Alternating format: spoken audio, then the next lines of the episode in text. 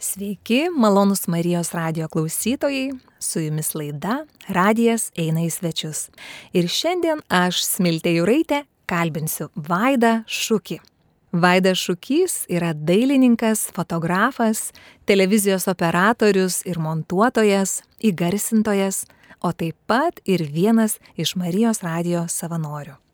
Aš su Vaidu susipažinau vienoje iš Marijos radio laidų kur mane sudomino iš tikrųjų ne tik Vaido istorija, bet ir žinia apie tai, kad jis tapo švenčiausios mergelės Marijos paveikslą viena iš Kauno bažnyčių.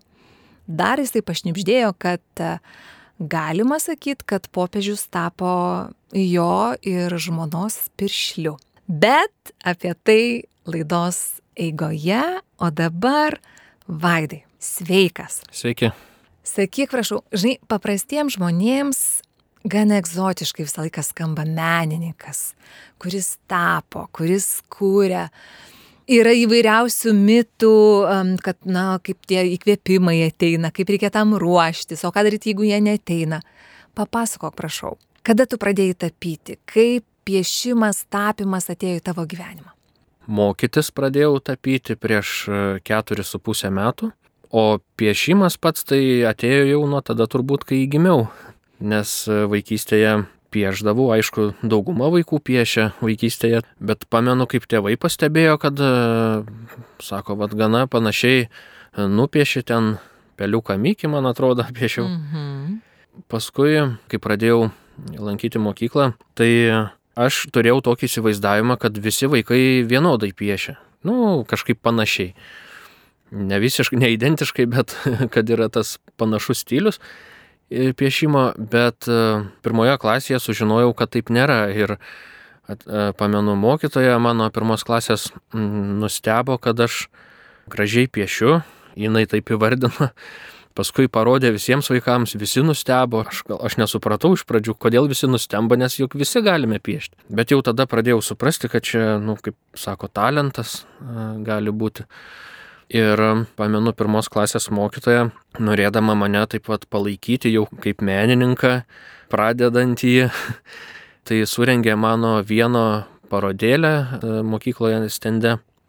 Tai aš atsimenu labai džiaugiausi, iki dabar dar tą jausmą pamenu, kad va, tokią personalinę parodą turėjau pirmoje klasėje ir tikrai džiaugiuosi, kad taip mokytoja sugalvojo ir tas va, palaikymas jis iki šių dienų išlikęs.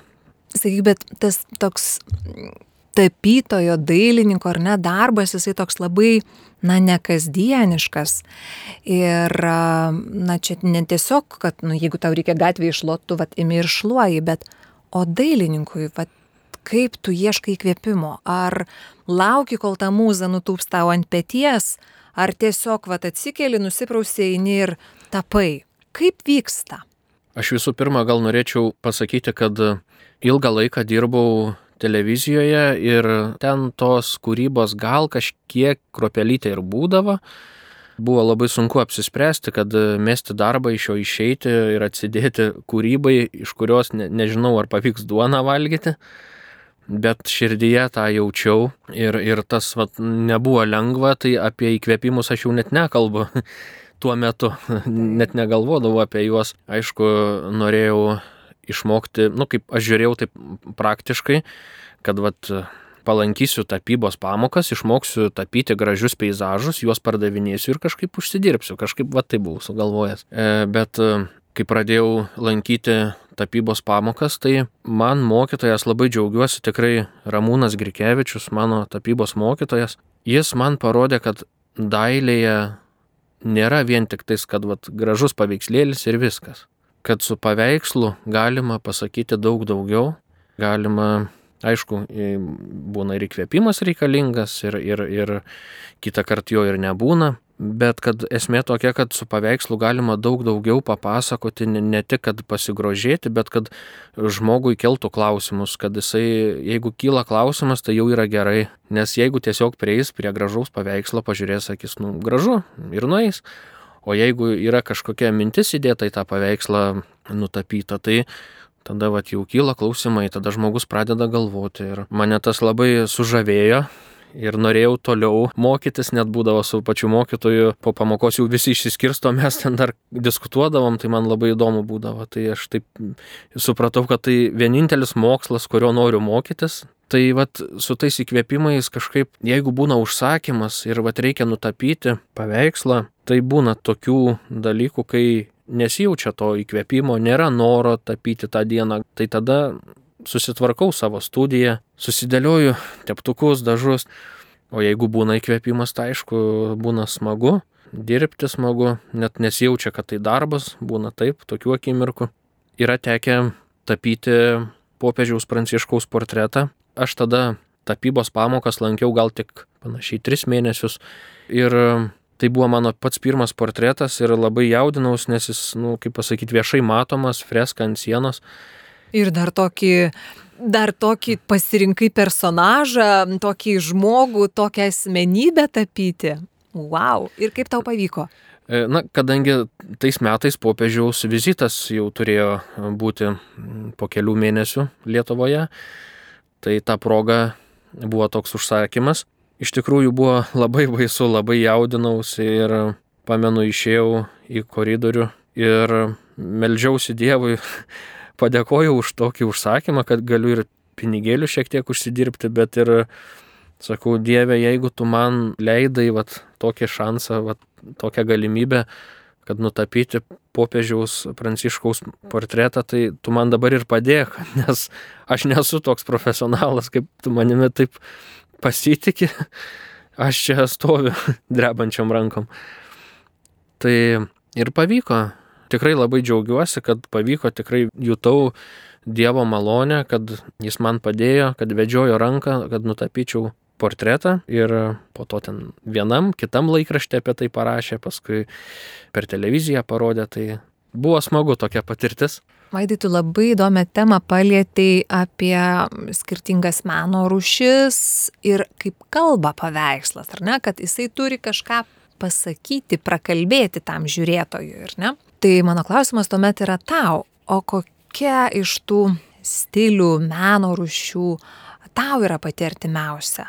Ką tu galvoji, sakykime, apie šio laikinį meną, kuris dažnai kartais man, sakykime, neprofesionaliai, mano subjektyvę nuomonę, kartais tau jo vienintelis troškimas yra šokiruoti, ar ne? Ir kažkaip tai gal ir yra toks užmanimas, o gal galėtum truputėlį labiau, kas tau patinka ir, na, vat, koks tikslas iš tikrųjų šio laikinio meno ir kur dinksta estetika. Aš galėčiau tai pasakyti, kad man asmeniškai šio laikiškumo, šio laikinėme pasaulyje yra labai daug ir aš pats jaučiuosi jo persisotinės. Technologijos įvairios ar kažkokios mados, labai daug visko. Kalbant apie meną, tai man labai įdomu yra tyrinėti Lietuvos dailininkų klasikų darbus. Ar gyvai juos apžiūrėti paveikslus, nes tikrai yra galimybė Lietuvoje aplankyti galerijas, muziejus. Ir aš tuose klasikų darbuose vat, pajuntu poetinį jausmą, vat, poeziją. Man yra labai gražu poezija ir tame atrandu ramybę. Aišku, mano kūryba jinai, jinai yra tokia daugiau ekspresyvesnė, aš kartais įdedu tos ekspresyvios emocijos per potėpius, atspalvius, mm, bet tuo pačiu norisi, kad būtų ir poezija su vat, kažkiek ramybės, harmonijos kažkokios, kad būtų. Tai vat ir tiesiog nežinau, man taip natūraliai gaunasi, jeigu aš ir dokumentinį filmą kažkokį filmuoju, ar iliustracijas piešiu vaikams, man dauguma žmonių sako šiltas, sako jaučiasi šiluma, sako jos šiltas. Kartais stengiuosi, kad būtų nu, kažkokios kitokios, ne tik labai jau ten šiltos ar saldžios. Bet vis tiek yra tas stilius ir turbūt galbūt tai yra įgimta. Ir iš vaikystės galbūt prisiminimai vaikystėje nebuvo nei interneto, nei Facebooko ir ačiū Dievui, kad tada jo nebuvo, nes labai džiaugiuosi tuo, kad mes ant gatvės žaisdavom futbolą kaime arba aitvarus skraidindom arba į medžius lipdavom, dviračiais važinėdavom. Man kažkaip iš tų laikų kūryboje atsiliepia, nes tarkim, jeigu kuriu kalėdinius atvirukus, noriu įdėti tą jaukumo jausmą, Tai pamenu iš vaikystės, kaip gražu yra ir kaip yra gera stebėti, tiesiog stebėti pro langą, kai sninga, kaip mes taip sakydavom pas mus šeimoje kasniais, sniego kasniais, nes jie tokie didelės, didelės storos naigės ir jos taip leidžiasi ramiai gražiai ir aš tą vaizdą prisimenu ir tą jaukumą tokį išgyventą vaikystėje, tai vat, norisi atvirukose jį perteikti. Tai aš nežinau, ką galėčiau pasakyti apie meną, kuris šokiruoja, Aišku, įvairaus yra ten šio laikinis cirkas, tarkim, šokio teatras yra tikrai, galbūt ten ir net nešokiruoja, bet būna įdomu stebėti tas naujoves. O kūryboje, man asmeniškai, va, nu, šiuo metu bent jau taip įsivaizduoju tą kūrybą, tapybą, remiantis klasikais. Ir aišku, tas Facebookas yra labai geras dalykas, jį naudojant pagal paskirtį, o ne šiaip e, ten slenkant per ekraną ir laiką marinuojant manau, kad tai yra Dievo malonė, kad galėjau susipažinti vat, su vieno klasiko e, dailininko e, marčia ir, ir vat, apie meną pakalbėti ir, ir sulaukti iš tokio žmogaus palaikymo, kai man, aš, aš nesu dailės akademijos baigęs, bet man, nu, tarkim, pat parašo žmogus, profesionalas, menoterininkas, pasako, kad nu tavo darbai verti galerijoje būti. Tiesiog pamatė socialiniam tinkle, Taip. paviešintus tavo darbus. Taip. Mhm. Aišku, va tai yra puikiai platforma ir savo kūrybą parodyti. Tu minėjai, kad šiais 2022 metais panevežyje buvo atidaryta pirmoji tavo personalinė paroda. Sakyk, prašau, ką menininkui reiškia jo asmeninės, personalinės parodos atidarimas? kas yra per jausmas? Atidarius pirmą parodą, man jausmas buvo iš tikrųjų kaip vaikystėje per gimtadienį savo. Aš nesitikėjau, kad ateis tiek žmonių ir jaučiausi kaip ant sparnų. Aš nu, tiesiog ne, nesitikėjau iš vis, kad man leis ten parodą renkti, bet leido. Ir tikrai esu labai dėkingas žmonėms, kurie vat, padėjo surenkti parodą. Ir iš tikrųjų, va, tas jausmas, jis toks, kaip pasakyti, jeigu būčiau jaunesnis, tai gali būti, kad aš jau ant e, laurų vainiko jau būčiau užmygęs. Bet e, dabar galbūt kitaip, va, tikėjimas padeda atsitraukti nuo, tos, nuo to egoistinio jausmo ar puikybės, kad va čia aš jau, va, jau čia mano paroda. Ne, to, to nebuvo, buvo tikrai toks didelis džiaugsmas ir Buvo labai smagu su žmonėmis pakalbėti, kai kurie žmonės iš anksčiau pažįstami yra ir, ir sako, buvo smagu vat, ir įdomu, nebuvo, bet yra įdomu matyti tavo va, tą kūrybinį kelią, kur sako, pradėjai nuo kažkokių paprastų paveikslėlių, ten kačiukus pieždavau ir keldavau į Facebooką, kaip mokėdavau, o sako, dabar tokie paveikslai, tai aš tikrai tikiu, kad tai yra Dievo malonė ir iš tikrųjų tą kelią pasirinkau, vat, bažnyčioje eidavau ir klausdavau tiesiog viešpatės, ką man daryti gyvenime, nes buvo sunkokas laikotarpis, nors ir atlyginimą orų gaudavau tais laikais, bet man, sakau, negalėdavau aš tos laimės nusipirkti, nu nors tu ką. tai eidavau ir klausdavau viešpatį, sakau, ką man daryti gyvenime. Tai va ir, ir, ir paroda atsirado. Tiems, kurie prisijungia tik dabar, aš noriu priminti, kad čia yra laida Radijas eina į svečius ir šiandien aš, Smiltė Juraitė, kalbinu Vaidą Šūkį, kuris yra dailininkas, fotografas, televizijos operatorius, montuotojas, įgarsintojas ir taip pat vienas iš Marijos radijos savanorių. Vaidai, personalinė pirmoji paroda įvyko. Kas toliau? Kokios mintis, svajonės ar turi tą mintį, kad e, reikia svajoti tyliai, e, ar galima kaip tik mesti iššūkį drąsiai pasisakyti savo drąsiausią svajonę ir, nu, toks įvyksta lyg ir pasižadėjimas ir jau tada tu turi veikti tą linkmę. Kokie tavo ateities planai, vizijos, svajonės? Tu smiltė tai paklausai taip, taip drąsiai. Taip. taip. Praktiškai norėčiau išgirsti. Jausmas tu... toks, taip, kad, kad nu, iš tikrųjų net ir įkvepia. Bet e, tų jausmų yra įvairių iš tikrųjų, nes sukūriau šeimą ir, kaip sako, būna klausia, sako, ką tu gyvenime, ką tu dirbi, nu, tarkim, tapau paveikslus. Ne, ne, o, o, o darbą kokį dirbi. tai vat būna va toks vat, mhm. tas jausmas, kai taip, svajonių yra, būna įkvėpimų. E, turiu ir drobės pasiruošęs tos pačios parodos papildymui, aš pusę parodos noriu atnaujinti. Džiaugiuosi, kad e, paveikslai ir šiuo metu yra parodoje ir kad e, žmonės atleidžia suprasti, kad tai yra reikalinga. Nes po parodos panevežyje, paroda buvo Vilniuje, po to Kaune kalėjime pristatėm paveikslus, mhm. Tada tardymo izolatoriuje, o po to paveikslai iškeliavo į Šiluvą, kur dabar jie dar ir yra. Ir taip ateičiai yra tų svajonių, bet vat, yra ir tų minčių, kad reikia išlaikyti šeimą. Ar iš tiesų yra ta menininko duona, na tokia, ne visada labai skalisi?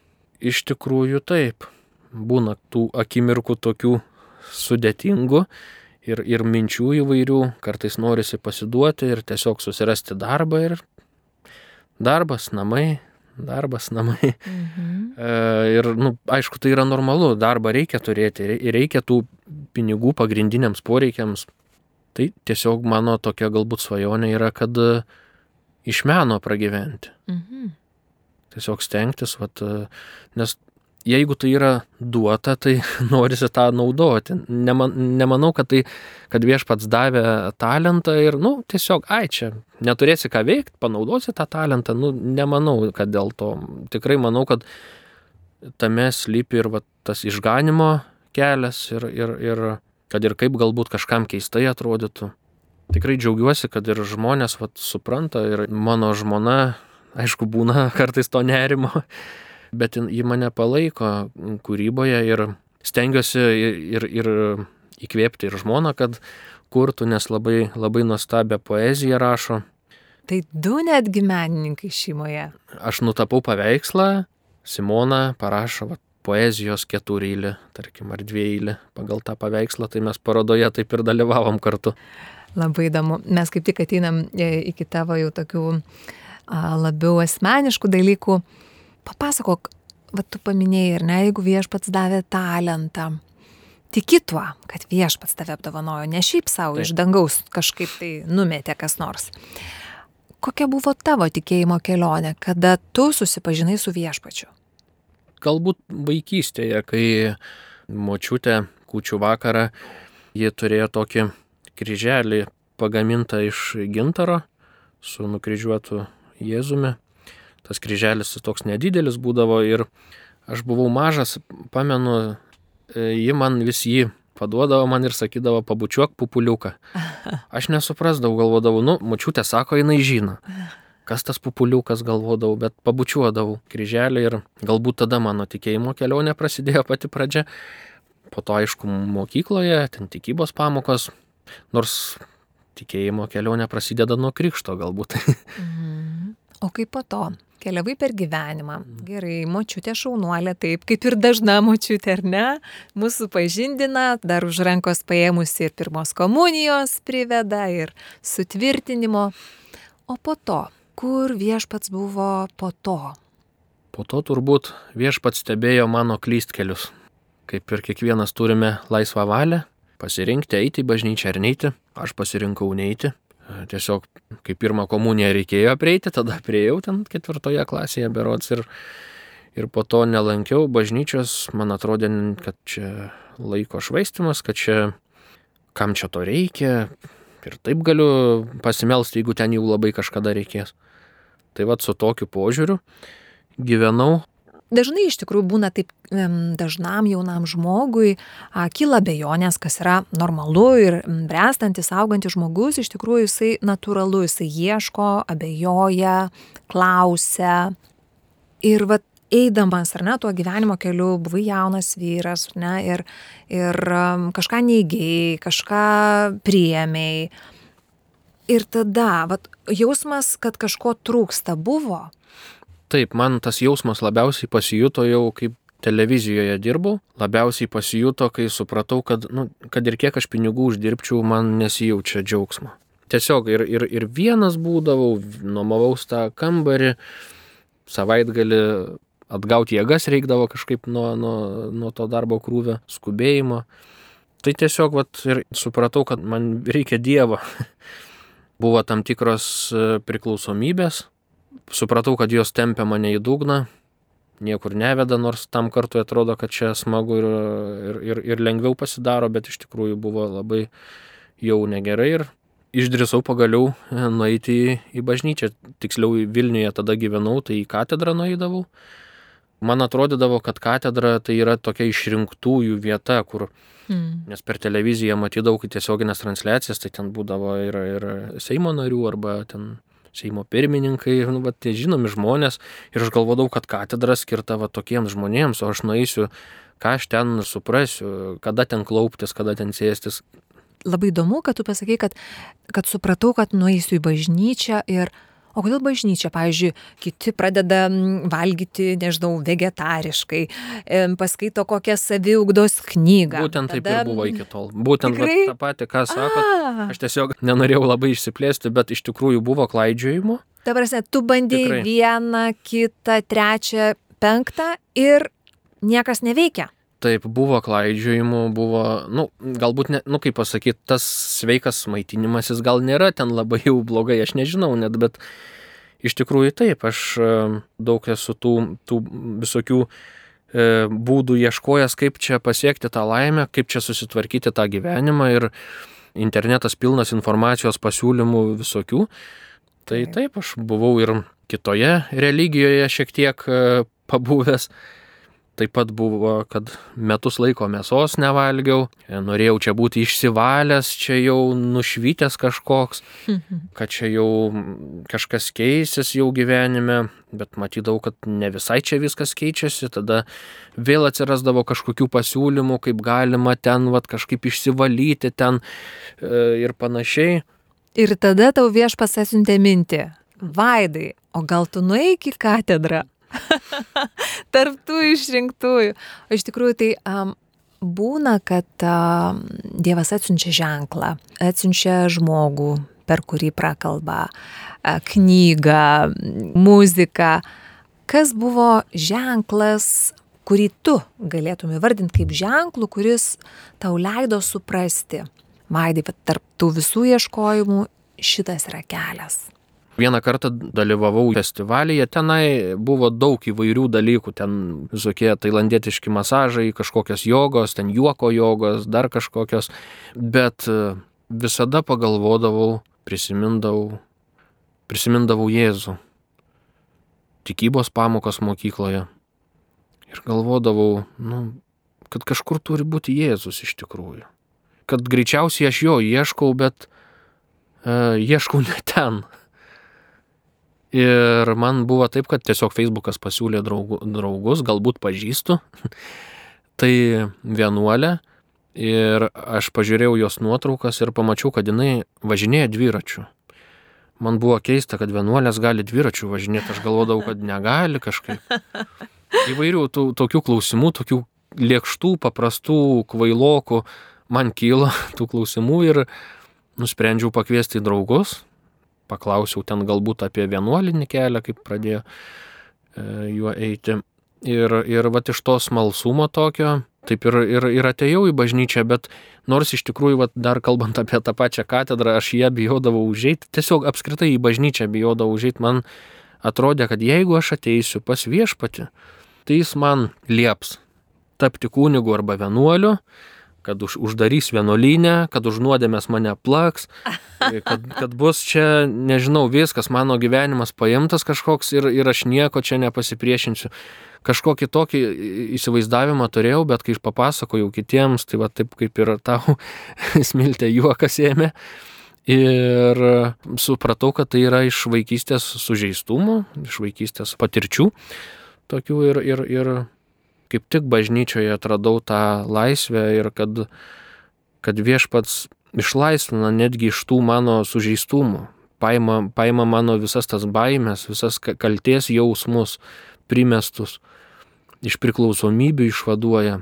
Ir netgi jeigu būna atkritimas tose priklausomybėse, jis mane vėl priima su viskom, aš vėl galiu ateiti, prieiti iš pažinties, priimti komuniją, jis mane vėl priima, mane murzina, nuprausia.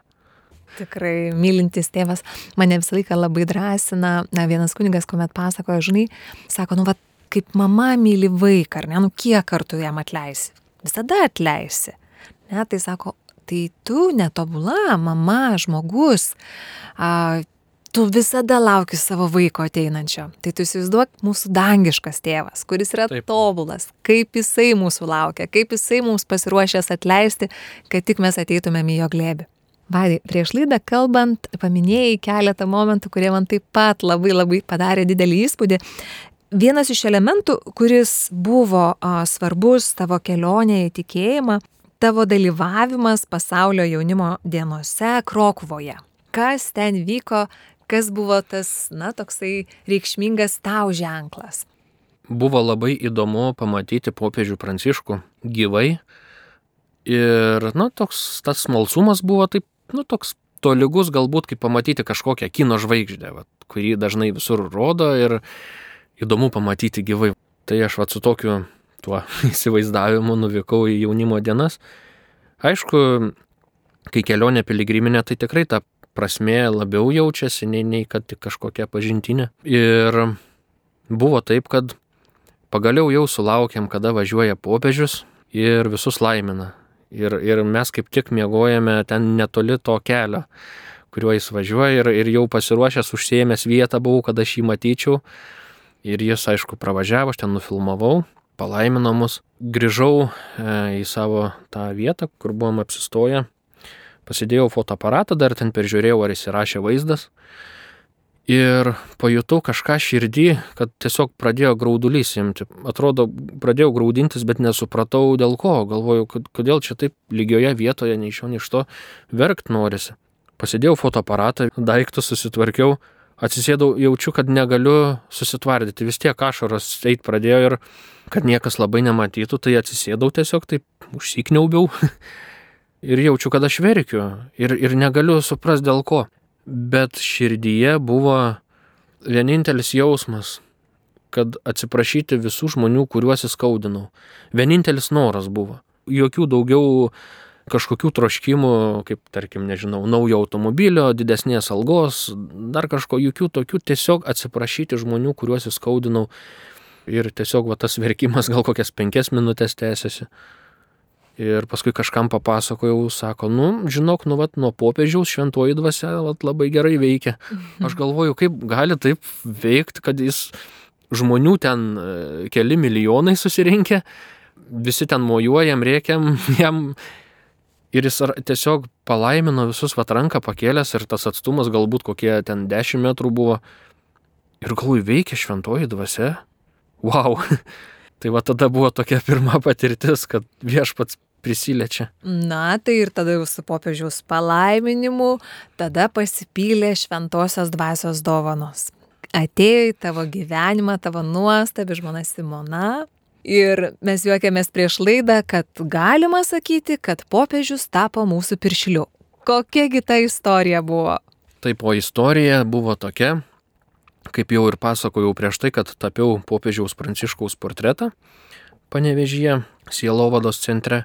Ir apie jį parašė vat, laikraščiai, rodė televiziją. Ir aš vieną iš tų laikraščių sugalvojau, sakau, reikia pasigirti draugams Facebook'e, nu, nes čia mano jau toks pasiekimas tada buvo dailėje, mene, kūryboje. Ir sakau, pasidalinsiu Facebook'e, pasidalinau. Na ir aišku, aš jau kuris laikas ieškojau merginos, Ir va Simona buvo viena iš jų, kurią pakviečiau Facebook'e į draugus. Ir tuo metu ji pamatė vat, tą, tą laikraštį, kurį pasidalinau, perskaitė visą straipsnį. Ji sakė, kad nori tikinčio vaikino. Ir va taip susipažinome, o paskui susitikome patį pirmą kartą.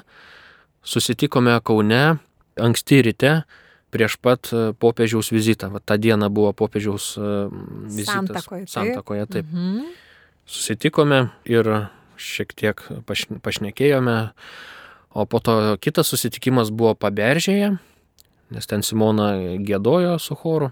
Iš tikrųjų, po to, e, vat jau kai pasipiršau Simonai ir kai susitokėme, tai, tai pagalvojau, kad popiežius Pranciškus yra mūsų piršlys, nes vat, per jo portretą mes susipažinome ir per jo vizitą susitikome. Tai pirmas pasimatymas per popiežiaus vizitą. Faktas. Praktiškai galėtumėt parašyti padėkos laišką. Taip. Taip, ir po to viešpats padovanojo jums nuostabę dukrytę. Liucija. Tai labai gražu. Dabar jau, manau, pats laikas pasakyti, tai kuriojegi Kauno bažnyčioje bus tavo nutapytas švenčiausios mergelės Marijos paveikslas ir kada jau bus jį galima išvysti.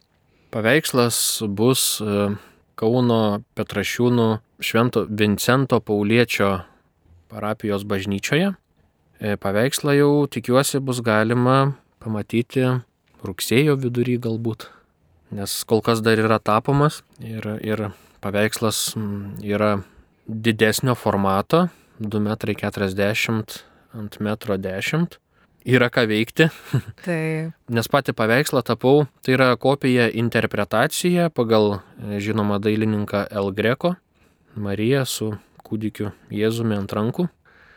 Būna ir apmąstymų, vat, pavyzdžiui, tapant Mariją, būna tų minčių, o kaip ji iš tikrųjų atrodė. Ar aš čia į tą pusę tapau, ar ne visai į tą. Ką mano viešpats apie tai, ką, ką tapau. Apie Marijos kančią, kaip jos širdį perverė kalavijai, kaip įkentėjo prie kryžiaus, matydama sunaus kančią. Netgi ir paveikslė Jėzus įsikibęs į Marijos ranką ir ranka pakelta taip tarsi jau kaip prie kryžiaus, kad jau e, bus prikalta. Tiesiog apie tuos kančios lėpinius, nu vad būna tų, nori, nenori, vis tiek e, tų minčių, apmąstymų. Ir iš tikrųjų aš labai dėl to džiaugiuosi, net jeigu ir kažkiek kančios būna tapant, aš pagalvoju, mano ta kančia čia juokai palyginus, ką teko iškentėti Jėzui ir jo mamai dėl mūsų visų. Iš tikrųjų, aš ir turėjau tokią svajonę tapyti sakralinius tos paveikslus, tokius religinius paveikslus, kad tokiu būdu irgi būti arčiau Dievo, arčiau tikėjimo. E, Bet aišku, iš pradžių buvo romantiška mano vizija. Lengva viskas bus čia kaip, kaip ant sparnų, kad aš čia tapysiu paveikslus bažnyčiai, čia bus visada smagu, visada malonu. Gali būti ir piktojo polimai. Taip. Jeigu stengiasi būti arčiau bažnyčios, gali trukdyti, tai man kartais atrodo, kad panašiai ir būna. Tegul viešpats būna dosnus tau kūrybiniais įkvėpimais, žinai, kad tai ir pavyktų, ir kad ateityje tų būtų visokių. Na, pabaigai prašau pasidalinti, tu pačioje pradžioje minėjai, bet dabar pabaigoje noriu, kad užtvirtintum. O tai ką daryti, jeigu nėra įkvėpimo? Nebūtinai menininkui, menininkui tai ypač svarbu, vat, reikia piešti, reikia rašyti, reikia kažką kurti ir, nu, vat, nėra tuščia, tuščia, nei vienos mūzos, nei ant vieno, nei ant kito pėties. Ką daryti? Ir čia tikriausiai net ir ne menininkams, nu, vat, nėra įkvėpimo, nežinau, kambarį susitvarkyti. Ką tu patartum? Man atrodo, kad pasimelsti, paprašyti viešpatės įkvėpimo. Čia įvairiai galbūt gali būti, bet aš pradedu nuo maldos, jeigu matau, kad man nesigauna, kad tas teptukas jau iš rankų krenta, tai reikia, reikia maldos. Nes neslėpsiu, būnu tinginys kartais, įsikeliu ryte, noriu tą veikti, noriu aną veikti, kažką važiuoju dažų nusipirksiu, čia smagu, o paskui atsimenu, kad aš nepasimeldžiau ryte. Viskas, kas žemiška, mums nesvetima. Taip. Mhm. Šiaip esu skaitęs knygų apie tuos vat įkvėpimus, apie tai, kaip kurdavo tie didieji menininkai, e, žinomi kuriejai, klasikai. Tai ten rašė taip, kad nesvarbu, yra įkvėpimas, nėra, vis tiek reikia imti ir daryti darbą. Ir kartais iš tikrųjų aš pastebėjau, kad jeigu atrodo nėra to įkvėpimo, bet imiesi to darbo ir darai ir viskas, viskas tvarkoje būna. Atsiranda. Taip. Tai ačiū tau labai už pokalbį. Mūsų laikas skirtas šiai laidai Radijas eina į svečius jau ištirpo. Labai ačiū šios laidos pašnekovui, menininkui, dailininkui ir fotografui Vaidui Šūkiui. Ačiū tau labai Vaidai, kad sutikai pasikalbėti ir taip atvirai priemi į radiją į savo svečius. Te saugo tave viešpats ir tavo gražią šeimą, te laimina tavo darbus ir įkvepia naujoms kūrybinėms veikloms. Ir jūs, malonus Marijos radio klausytojai, būkite sveiki ir viešpaties saugomi.